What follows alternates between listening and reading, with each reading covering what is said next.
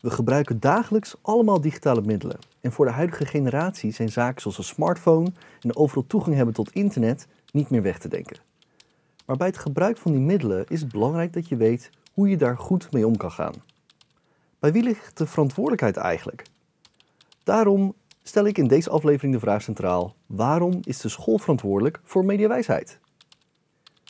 Welkom bij ICT in het Koelcafé, waar we inspirerende gesprekken voeren met vooruitstrevende mensen in en rond het onderwijs.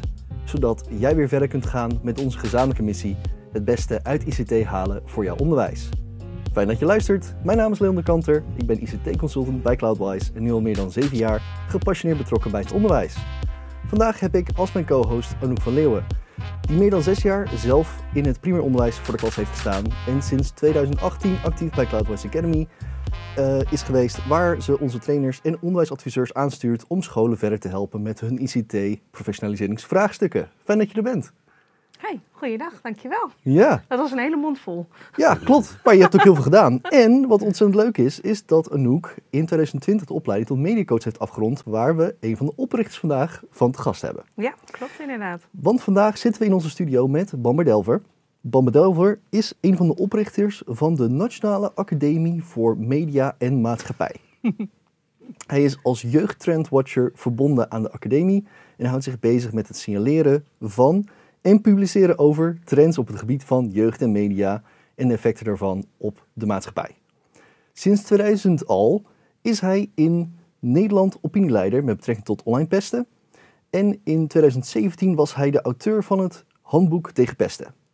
Hij is ook hoofddocent van de nationale opleiding Mediacoach, die niet alleen in Nederland, maar ook in 15 andere Europese landen wordt verzorgd. En tevens een Caribische variant op Curaçao en Sint Maarten heeft. Uh, een echte duizendpoot dus. Maar uh, Bamber, waar komt je gedrevenheid eigenlijk vandaan om al die jaren al zo bezig te zijn met mediawijsheid? Ja, ik heb erover nagedacht en uh, eigenlijk is het heel erg simpel. kinderen leven in deze wereld, die zetten dus eigenhandig op de wereld. En um, ja, dit is opvoeding, dit is educatie, dit is een soort begeleiding van hun leven. Dus ik denk dat opvoeders en professionals, dus ook onderwijs, ja, we dragen met z'n allen een hele belangrijke verantwoordelijkheid. Uh, omdat kinderen het recht hebben op educatie, zodat zij hun leven kunnen inrichten. Dus ook media-educatie, dus ook mediaopvoeding, dus ook mediawijsheid. Nou, dat is op zich wel goed kort en bondig. Maar dat is natuurlijk algemeen een, een, antwoord op het, op het thema, denk ik. Terwijl ehm, die gedrevenheid heb je dus eigenlijk al heel lang. Je bent al uh mhm. sinds 2000 bezig, terwijl nou ja, als ik uh, denk aan 2000, dat was uh, net hadden we een paar mobiele telefoons, geloof ik. Ja. Um, hoe, hoe kwam het zo dat je er toen al zo mee, mee betrokken was? Ja, in die tijd uh, um, was het zo dat de mobiele telefoons nog niet eens mobiele telefoons waren. Dat waren koelkasten die je aan je oor hield. Precies. En laat staan dat, dat jonge kinderen um, die dingen in handen hadden. Dus men was niet online. Nee. Dus de eerste projecten die ik deed destijds nog vanuit Jantje Beton, dat was heel erg van, je was online, nou als je geluk had als kind, in de bibliotheek op zo'n zo'n enorm verschrikkelijk apparaat. Uh, en thuis sowieso niet. En dan een enkele school was online. Dat was het. Maar toen zag ik al, stel nou dat ouders ertoe overgaan om hun kinderen aan te sluiten op het net en uh, die woorden waren er toen al, hè? dus niet via mobiele telefoon. Ik, ik kan nog niet in de gaten hoe dan. Maar stel nou dat elke, elk huis een, een, een, een eh, bekabeld internet had. Ja. Of um, dat kinderen op konden. Ja, dan gaat de wereld open voor hele jonge kinderen. En ik vroeg me toen af, zo van ja, hoe zal dat zijn? En wie begeleidt die kinderen? Daar komt die gedrevenheid vandaan, omdat ik vind dat we onze kinderen niet aan, aan hun eigen lot moeten overlaten. En ja, toen is dat gewoon heel erg gegroeid. Want ik weet nog in het begin, ik heb ooit een keer een ouderavond proberen te geven op het gebied van als je je kind een mobiele telefoon geeft, wat zou je dan moeten leren? Mhm. Nul ouders. Er kwam gewoon niemand, want ze vonden het onzin. En wanneer was dat ongeveer, ja, dat was 2004. Ja, ja. En ik weet nog heel erg dat die school, van wie ik toen een ruimte huurde, had echt iets van, ja, hoe houdt het in je hoofd? Ik weet dat er een ouderraad van diezelfde school zei van, ja, wij vinden dat kindermishandeling. Kinderen online zetten, Laat staan een mobiele telefoon. Nou ja, de wereld is dus veranderd. Ja, Nou ja, maar goed, als we de interviews kijken van natuurlijk ook uit diezelfde periode van ja, mobiele telefoons. Hè, dat, dat vind ik helemaal leuk om dat dan in perspectief te zetten. Dat destijds mensen op straat werden gevraagd: hey, eh, Ja. heeft, zou, zou u een, tele- een mobiele telefoon Ja. willen? Ja, nee, heb ik helemaal geen behoefte aan. ja. Ja, wat moet ik daarmee? wat moet ik moet daarmee? Ja. Ja, als mensen me willen bereiken, dan bellen ze me maar goed als ik thuis ben. Ja, En dan hè, in de context van, ik denk, hè, Anouk en, en mijn jeugd, dat is natuurlijk die hele digitale revolutie heeft plaatsgevonden. Mhm. Er zijn al heel veel gebeurd. En Ja. die, dat, dat momentum wordt ook vastgehouden in hoeveel er in één keer door blijft worden ontwikkeld. Nou, en dan, dan vind ik het, dat vind ik het leuke, dat is een beetje mijn passie. Ik wil altijd dat de mensen in mijn netwerk tenminste vijf jaar verder kunnen kijken. Dus niet denken, oh we moeten herstellen en herstellen en herstellen. Het is meer zo van, oké, dan gebeurt dit. En zie het positief in. En wat zouden wij in huis moeten hebben qua vaardigheden om kinderen zo te begeleiden als het verder gaat? Want je hebt nu over mobiele telefoons, maar die gaan natuurlijk ook verdwijnen. Ongetwijfeld eh, komt daar een bepaalde plaatsvervanger voor. Ja, je Zeker. ziet nu smartwatches. Stel dat elk kind wordt uitgerust met een smartwatch of met een tracker. Ja, Nou, Een dat vind ik dus heel erg interessant. ja, ja. Wat betekent dat dan? Hoe, wat moet je dan eh, als, als onderwijs kunnen? Ja. Dus ik geloof niet erg in verbod, hoewel het soms erg nuttig kan zijn, Mhm. maar liever in aanbod.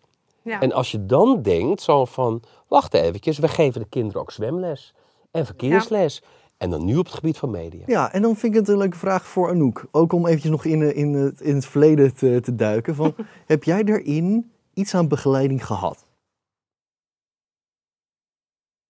Toen ik les gaf of toen Nee. ik zelf op school Nee, daarvoor zat? nog. Ja, daarvoor, Daarvoor nog, nog. Daarvoor nog. Eh, nee, nee, helemaal niet. En terwijl in de tijd dat, dat eventjes hele simpele dingen, dan eh, toen ik op school zat, eh, had je ook al hives bijvoorbeeld. Dat Ja. was al helemaal een ding. Iets, iets en- wat je bijna en- weer en- en- vergeten. Ja, dat bestond. Ja, en daar was iedereen heel actief op. En MSN natuurlijk ook. En eh, ik kan me echt wel herinneren dat MSN zo'n platform was waar er heel veel gepest werd. En waar er heel veel dingen gebeurden waarvan eh, ouders en, en, en op school eigenlijk waar niemand er weet van had. Eh, want ja, dat was echt het, het- Daar begon eigenlijk al die verplaatsing van het sociale naar het fysiek sociale naar het online sociale. ja precies. En eh, nee, ik heb daar nooit eh, Begeleiding in gehad. begeleiding in gehad. Uitleg over gehad. Nee. Nee, en eigenlijk ook als, je dan, als ik dan verder kijk naar toen ik op de PABO zat en toen ik vervolgens les ging geven. Eh, wat ik nou ja, bijna zeven jaar heb gedaan. eh, daar is ook nooit aandacht aan besteed in die tijd. Dat kwam eigenlijk pas nou ja, vlak voordat ik uit het onderwijs vertrok. Ja, Mm. stekenend Ja. hè. Ik bedoel, voor Ja. mezelf ook. Want ik, de reden dat ik de vraag stel is omdat ik dat ook niet heb gehad. Ik was een toevallig een kind wat echt super geïnteresseerd was in nou ja, alles digitaal. Dat vond ik echt super tof. Daar had ik affini- affiniteit mee. Maar ehm, de computerlessen die ik op school heb gehad, die gingen eigenlijk alleen maar over... kun je een presentatie maken in Ja. PowerPoint en kun je een documentje Ja. typen in Word.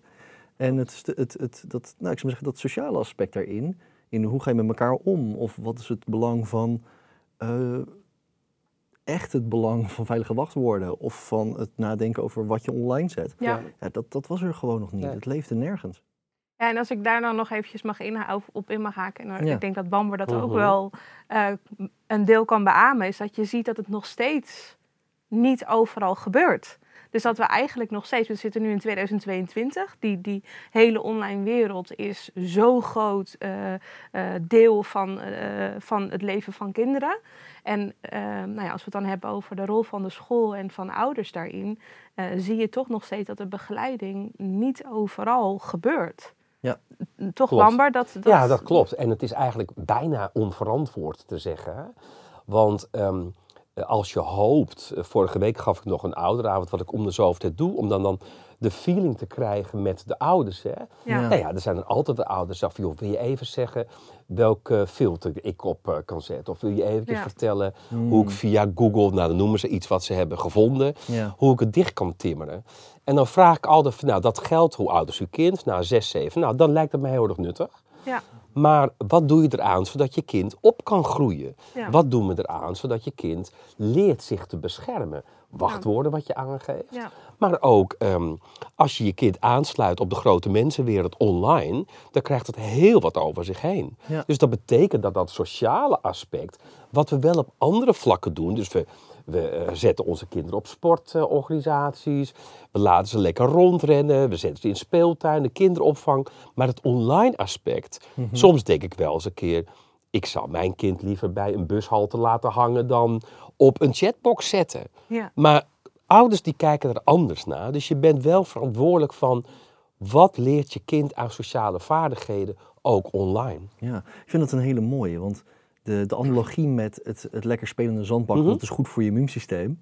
Ja. Eh, met het nou ja, eh, leren omgaan vanaf een jonge leeftijd met je, je, nou ja, je online presence, zeg Ja. maar, is, is denk ik ook heel erg, eh, wat ik me nu realiseer, een, een Nederland cultureel gebonden ehm, conflict of spanningsveld tussen een stukje vrijheid die we willen geven aan kinderen Ja, en de noodzaak om te beschermen. klopt. Ja. In heel veel andere landen, en ik ben dan nu recentelijk veel betrokken geweest bijvoorbeeld bij eh, eh, Engeland, met Groot-Brittannië, daar is gewoon de norm, elke school die heeft een, een heel agressief filter Mhm. om content te filteren die eh, ongewenst is. Ja, Op ja. in elk van de leerlingaccounts. En sterker nog, dat willen ze het liefste als ouder ook hebben wanneer Ja. ze dan thuis het En ik, ik snap dat wel. Het is hetzelfde dat je hoopt dat als je kind op een fietsje zet, dat het niet eh, door rood rijdt. Ik snap, ik snap die Ja. angst wel. zijn. Alleen de ellende is dat ehm, eh, iedereen weet dat je kind naar buiten gaat, uitgaat met, met eh, vriendjes en vriendinnetjes in aanraking waarvan je zelf denkt, nou, ik help het hopen dat het goed gaat. En dat is ook Ja. online, maar dat gaat sneller.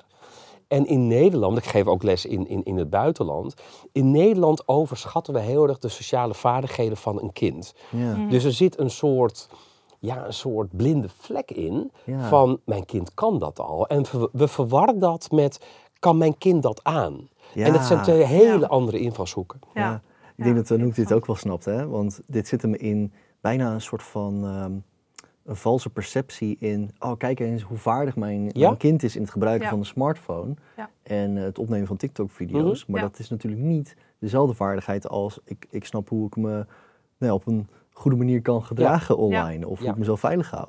Ja, Ja. zeker. Nou ja, dat is natuurlijk dat hele aspect waar het nu, eh, wat nu natuurlijk heel veel binnen het onderwijs ook speelt, is van welke vaardigheden hebben kinderen nu eigenlijk nodig? En ja, ze hebben de vaardigheden nodig om zo'n apparaat te kunnen gebruiken, technisch gezien. Eh, maar er zit een heel eh, plaatje omheen.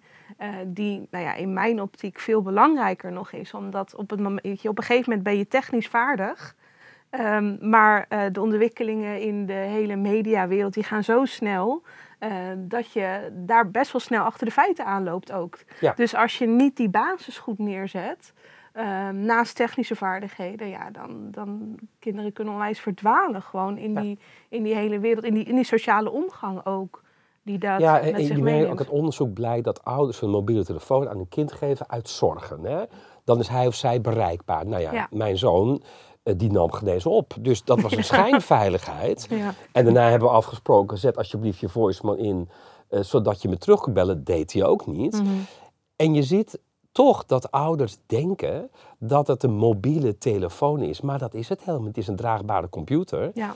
met, met, met toegang tot de grote mensenwereld. En wij zouden nooit aan onze kinderen een brommer geven op minderjarige leeftijd. Maar we doen wel een mobiele telefoon. En logisch dat er ongelukken ontstaan, natuurlijk, want dat is het leven. Maar een kind mag dat ongeluk zelf niet oplossen. En daar zie je het mis in gaan. Ja. Ja. Het is ook lastig, hè, dat spanningsveld. Het is, eh, we geven, nou ja, vanuit de Academy natuurlijk zijn we hier ook mee bezig. En dan is vaak de, de context waar we dan mee bezig zijn, als het gaat om, om veiligheid en ook een stukje bewustzijn bij leerkrachten. Hè, vanuit de Cloudus Academy geven we Ja. trainingen ook op het gebied van bijvoorbeeld nou ja, een stuk AVG-zaken. van hè, wat kun je nou binnen de school oppakken? Daar zit ook dit als element in. Ja. Ehm, maar het is best lastig.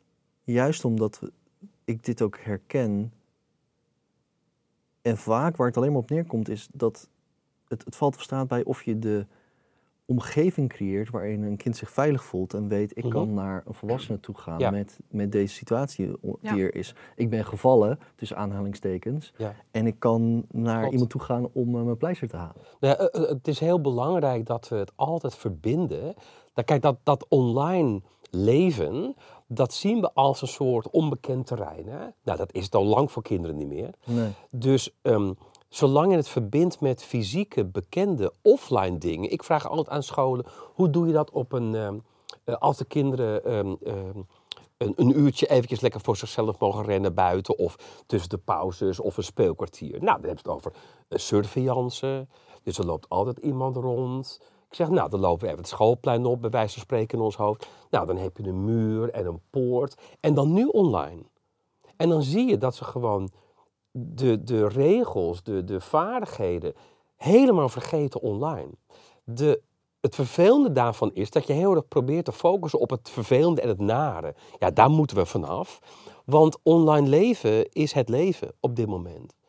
Maar ik heb heel erg graag dat, dat, dat wij een soort bewustzijn ontwikkelen, omdat het onze verantwoordelijkheid is als professionals. Hoe leveren we kinderen af?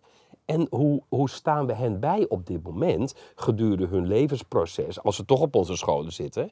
Hoe zij leren om te gaan met deze online wereld, waar ze middenin zitten. Ja. Hoe zie jij daar de rol in bijvoorbeeld van de Cloudis Academy? Om daar leerkrachten, docenten bij te helpen? Ja, ik zou zeggen heel simpel. Nou, simpel is Eh. fijn, hopelijk. Kijk, wat je natuurlijk ziet is, is ik, het, ik heb natuurlijk de opleiding tot mediacoach gedaan. Ik zou het heel mooi vinden als er binnen iedere school een mediacoach rondloopt. Ja. Alleen, ehm, eh, je ziet gewoon dat daar eh, budgetten of, of tijd of nou ja, allerlei redenen zijn dat dat niet gebeurt. Dus wat ik denk dat een rol van ons zou kunnen zijn, is om in ieder geval te zorgen dat het onderwerp mediawijsheid, eh, eh, alles rondom digitale geletterdheid, dat het eigenlijk wel de scholen binnenkomt door middel van trainingen, workshops. eh, maar we zijn ook bezig met het schrijven van blogs, het maken van video's. Nou, deze podcast bijvoorbeeld ook. En dus echt ervoor zorgen dat de juiste informatie de scholen inkomt. Mhm. En ik denk dat daar ook eh, allereerst nog een stukje overtuiging in zit. Hè? Want we hadden de, de vraag waar we het hier over hebben: waarom is de school verantwoordelijk? Ehm, wat een hele interessante is. Kijk, ik ben het eh, volledig Mhm. eens met wat Bamber hier zegt. Ja. Alleen ik voer dus nog steeds discussies op scholen die het daar niet mee eens zijn. Wij zijn niet verantwoordelijk. Ja. En, en waar komt het dan door? Want dat, dat vond ik namelijk Ja, het- het, ik- ik interessante van deze stelling ook. Want Ja. het impliceert natuurlijk, oh, er zijn dus personen die het er niet mee eens zijn. Directies, managers. Dus, Precies. dus het, het, is, het is zelfs georganiseerd. Ja, En dat snap ik ook, omdat het fijner is om te denken dat is een thuisprobleem, een thuissituatie. We pareren dat gewoon, we splitsen dat leven van onze leerlingen gewoon in tweeën. Je hebt Ja. de schoolse situatie en je hebt een thuissituatie. Alleen de werkelijkheid is anders. Want dat is een visie van een volwassene, of een manager, of een directie, of een leerkracht.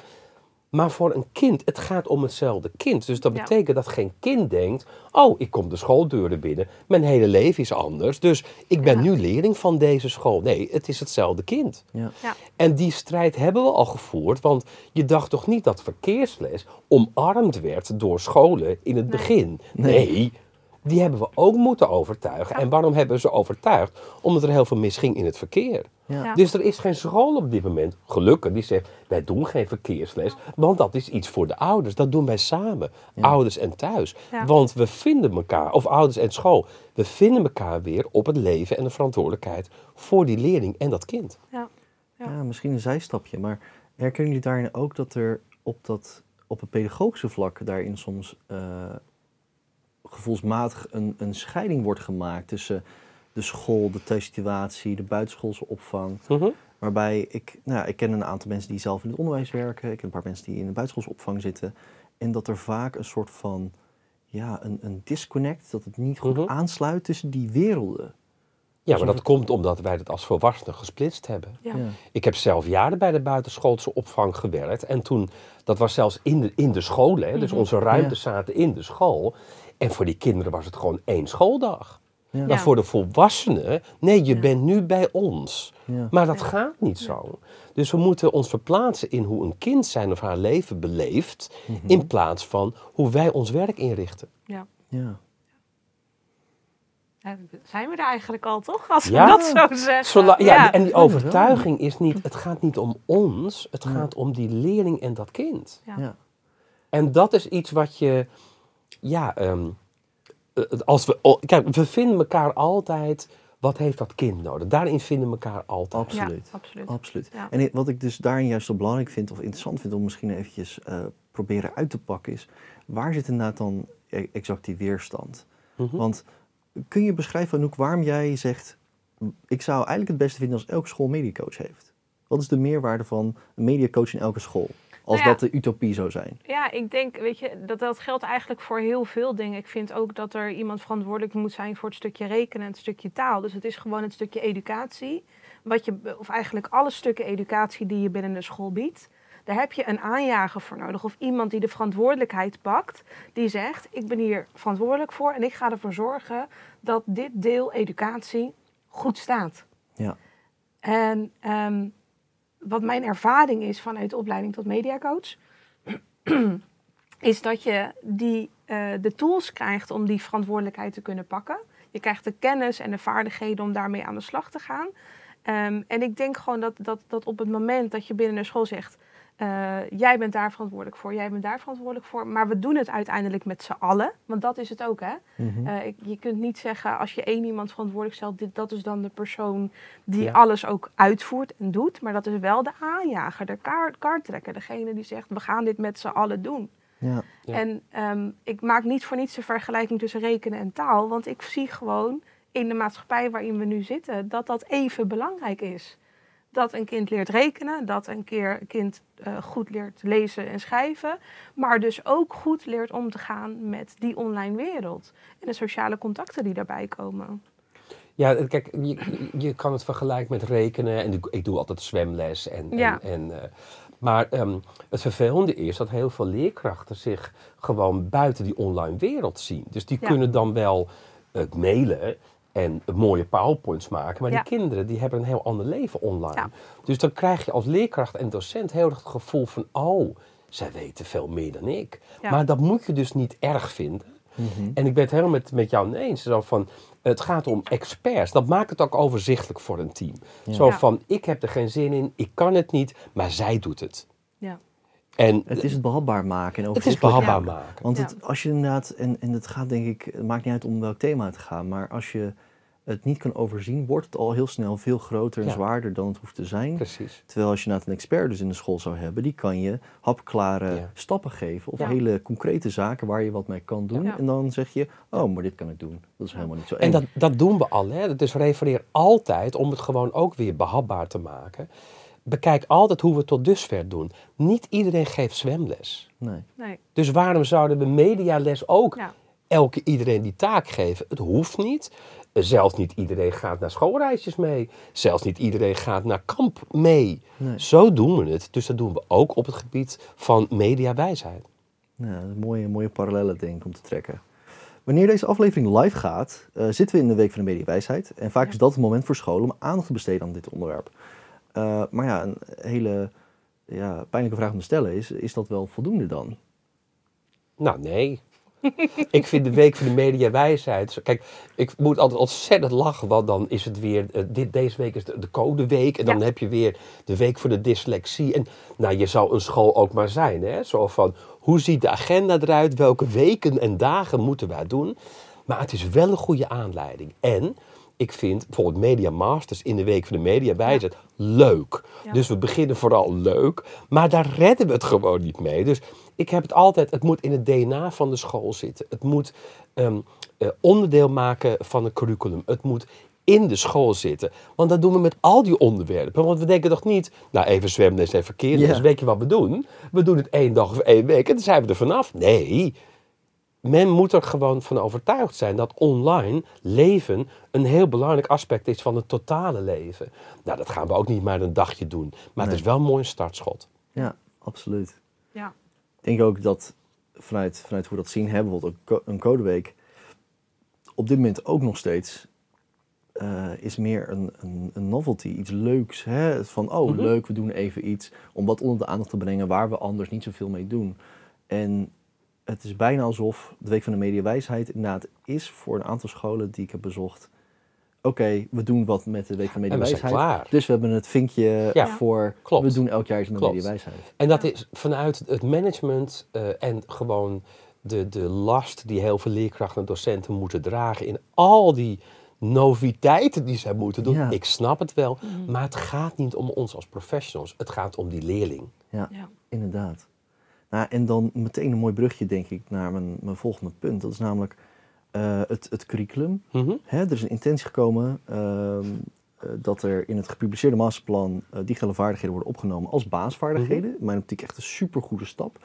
Maar ehm, het duurt natuurlijk nog even voordat dat helemaal concreet is. En ik kan me voorstellen dat heel veel scholen niet gaan bewegen totdat dat duidelijker is voor ze. Kunnen we ze wat dingen aandragen of, of aanreiken waar ze nu al dan wat mee kunnen? Om te zorgen dat ze niet zo meteen wanneer dat concreet is gemaakt, ehm hals over kop heel veel werk eh, op hun hals moeten halen. Nou ja, eh, eh, het, het, het vervelende is, is ehm, als er in het curriculum wordt opgenomen wat ik heel erg toejuich, dan moet het gebeuren. Ja. Dus dan vergroot die weerstand. Hè. Ik zeg niet dat het er niet in moet, maar het vergroot de weerstand. Het belangrijke is, als school zou mijn advies zijn, wacht niet op incidenten. Dat is een hele belangrijke. Dan zie je het als beleid. Wees voorbereid. Ja, Dus dat is een hele goeie. Hè? Zo van niet van, oh, er is ruzie op de WhatsApp, we redden het niet meer. We gaan mediawijsheid lesgeven. En we pakken er eentje uit, ruzie op de WhatsApp. Het werkt zo niet. En weer refereren van, oh, er is een verkeersongeluk gebeurd op de hoek met twee fietsen en een brommer. Dus we gaan nu verkeersles geven. Dat is onverantwoord. Dus wat we ze kunnen bieden is, A, maak het leuk. Eh, B, wijs een expert aan. Laat iemand eh, die gepassioneerd is op dit vlak inderdaad mediacoach worden. Eh, eh, pak, er is zoveel op dat moment. Wacht niet op incidenten, dan wordt het negatief. Geen leerling vindt het leuk om te reageren op incidenten. Zo hebben we het onderwijs toch helemaal niet gelukkig ingericht. Ook op het gebied van mediawijsheid. Heb jij daar nog iets op aan te vullen, Anouk? Nee, ik, eh, eh, ik moet natuurlijk zeggen, heel veel van waar ik nu achter sta, heb ik natuurlijk wel vanuit de opleiding. Maar komt natuurlijk wel ook echt vanuit mijn eigen passie om ervoor te zorgen dat de kinderen van nu gewoon, ja, op een juiste manier kunnen, kunnen rondwandelen in deze samenleving. Om het even heel simpel te zeggen. Ehm, maar ik zeg ook altijd, dat je brandjes blussen, dat is niet, dat is niet mediawijsheid. Nee. Eh, dat is ook echt een van de dingen die altijd terugkomt in, in, in elke sessie die ik geef. Het is niet brandjes blussen. Eh, het, het gaat echt om eh, brandpreventie eigenlijk. Hè? Dus zorgen voor dat je een plan hebt van, om, om dingen te kunnen ver- voorkomen. Om, ehm, wat ik een hele belangrijke vind, is dat, dat een, een kind weet dat hij of zij bij de leerkracht terecht kan als er iets vervelends gebeurt. Eh, en dat, dat creëer je door, er, eh, door alles bespreekbaar te maken. Door er open in te staan, open houding te hebben, niet te oordelen. Ehm, en, en dat zijn echt wel de dingen die ik zelf altijd meegeef aan, aan leerkrachten in sessies. Om gewoon. ehm, en en wat, je, wat Bamber ook zegt, hè, je hoeft zelf niet alles te weten. Je hoeft niet te weten hoe TikTok werkt of hoe Snapchat precies werkt. Je moet weten dat het bestaat, dat het onderdeel is van de wereld van je kinderen, van je, van je leerlingen. Ehm, ehm, en er vervolgens weten, doordat je denkt, oh ja, dit is onderdeel van, van de wereld van de kinderen. Ik ga hierover in gesprek. Wat doe je dan? Wat, eh, wat gebeurt er als je daar iets op plaatst? Ja, gewoon die open, open houding. En ik denk dat dat gewoon heel belangrijk is als je het hebt over wat kan iedereen vandaag of morgen al doen. Eh, dan is dat de eerste stap. Ik hoor daarin eigenlijk voornamelijk, wees niet bang om hier überhaupt aan te beginnen. Wees niet Nee. bang om het Nee. gesprek te voeren met je, met je leerlingen. Ja, en Wat- zie wat- leerlingen als experten. Ja. Laat het hen vertellen, want ik weet niks van games. Ik ben daar een beetje aversie tegen. Maar ehm, ik ben zeer nieuwsgierig, inderdaad, wat jij ook zegt, zonder Ja. oordeel. Ja. Vertel het me. Ja. Ja. En die kinderen willen wel vertellen hoor. Ja. En dat heb ik bijvoorbeeld met vloggers. Oh ja. Daar zit bijna aversie een beetje in. Ja. Eh, maar ik heb al hele interessante gesprekken gevoerd. Dan wel meer gewoon in, in, in- in, in de familie, zeg maar. Met neefjes en nichtjes. Die dat wel heel erg leuk vinden. Mhm. En ik dacht, als je nou gewoon een keertje dat gesprek aangaat. Zonder te denken, waarom kijk je dit? Ja. Hè, meteen met het Gewoon oordeel zonder, onder- vast. zonder oordeel, Ja, gewoon luisteren. En het is zo uit. interessant. Het is zo interessant. Ja. En dat kan je in een, in een klas met kinderen ook doen. Gewoon die vraag stellen. ja. Ja, dat vereist wel. Ik heb zelf een onderwijsachtergrond. Dat vereist een hele andere vaardigheid Ja. van een leerkracht of docent. omdat wij natuurlijk opgeleid zijn om kennis over te dragen. Ja. En da- als je dat gewoon dan beseft, Die kennis heb ik niet, maar je Ja. leerlingen wel. Ja. En niet denkt zo van jongens, jongens, wat die vloggers en die influencers, nou, nou, Ja. nou. Zodra je dat eventjes uitschakelt, en dat is ook het prachtige, vind ik, als jou dat lukt als Ja. docent of leerkracht, dat de leerlingen weten, bij hem of haar kan ik gewoon terecht. Ja, En dan opent de wereld zich. En het is ontzettend leuk om daar Ja. onderdeel van uit te kunnen maken. ja. Dat denk ik ook. En er gebeurt natuurlijk heel veel. We hebben een aantal zaken zoals het curriculum waar aan gewerkt gaat worden. Dus zal ongetwijfeld inderdaad ook een... eh, nou ja, eh, dat zal ook effect hebben natuurlijk op, eh, op het onderwijsveld. Maar laten we het hebben over, nou, pak een beetje de komende vijf jaar. Wat Mhm. voor ontwikkelingen zie je dat er nog gaan komen de komende vijf jaar? Nou, het gaat niet zo snel als ik had verwacht, maar alle vaste apparatuur zal verdwijnen. Dus dat betekent, ik zie jou met een laptop op je, op je schoot, ik zie Ja. alle schermen, dat gaat allemaal verdwijnen.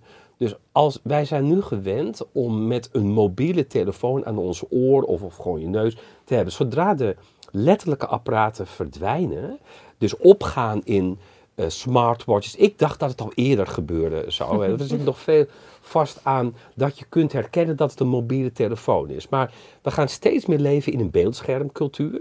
Dat zie je op dit moment al. Dus Ja. dat je gewoon toetst in de lucht, bij wijze van spreken.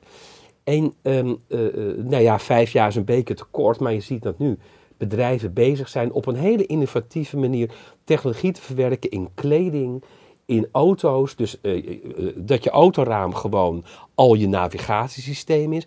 Dus technologie wordt verstopt en dat wordt heel mooi gemaakt. Dat betekent dus dat leerlingen niet meer gebaat zijn met een mobieltjesverbod, want je kan als school niet meer herkennen dat je een mobieltje mee hebt. Zodra dat gebeurt, hebben we een nieuw groot probleem, CQ uitdaging. Wat gaan we dan doen? Ja. Dus dat betekent dat je dus, dat zie je nu al, in het begin was, dat je gewoon herkent van je was wel of niet online. Nou, nu is elke mobiele telefoon een eigen hotspot. Ja. Dus men is 24 uur online. Maar dan is een land, een wereld online. Je ziet ook dat, dat ja, op dit moment, mijn vriend is Iraans.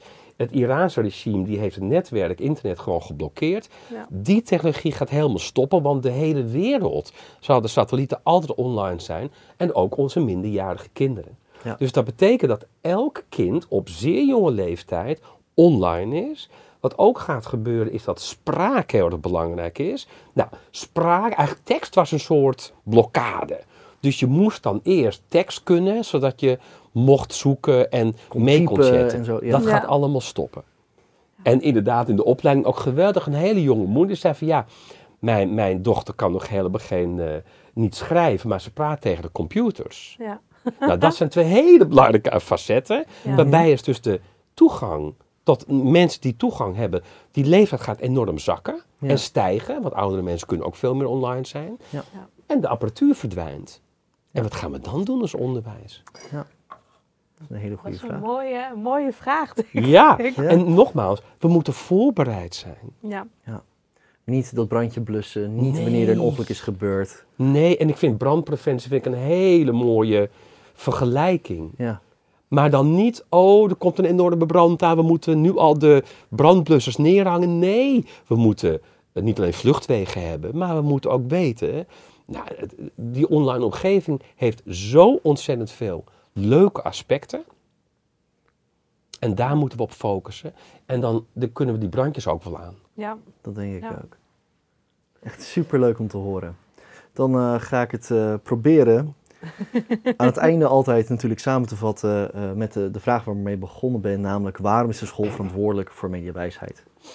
Ehm, in de kern zit het hem voor mij in, zeker ook met het gesprek wat ik nu met jullie twee heb gevoerd, in het feit dat een school verantwoordelijk is voor het klaarmaken van leerlingen voor de toekomst. Kinderen voorbereiden op de echte wereld en het zorgen dat zij de juiste vaardigheden hebben om door te kunnen stromen, of dat nou bedrijfsleven in is of op een andere manier binnen de maatschappij. En omdat de digitale wereld zo'n belangrijk element is van ons leven, waarvan we weten dat het niet meer weggaat, is het hartstikke logisch dat je ook leert daarmee omgaan. Dat het meer is dan alleen maar ik kan een documentje typen, maar ook dat ik snap hoe moet ik omgaan op een goede, veilige manier in het online verkeer. Ja? En bedenk, eh, het is niet zo dat kinderen pas na groep 8 online zijn. Ze zijn het nu al. Ja. Ja. Ja. Inderdaad. Dus we, we stomen ze niet klaar als ze van onze scholen weggaan. Ze zijn er nu al Mee bezig. volop. Ja. En ze hebben enorm veel plezier, wat wij ook vinden. En dat plezier is belangrijk. Dat moeten we ook vasthouden, dat moeten we aanmoedigen. Ja. Maar wel zorgen dat ze eh, die vaardigheden die ze niet natuurlijk oppikken, wel worden aangeleerd om zichzelf veilig te houden. Precies, en wij horen er te zijn. Ja, precies Ja. wat jij zegt. Het was super goed en leuk gesprek. Dankjewel voor je komst, Manberg. Geen enkele dank. Ja, heel leuk. Ja, jij ook bedankt, Dankjewel. Anouk. Dankjewel.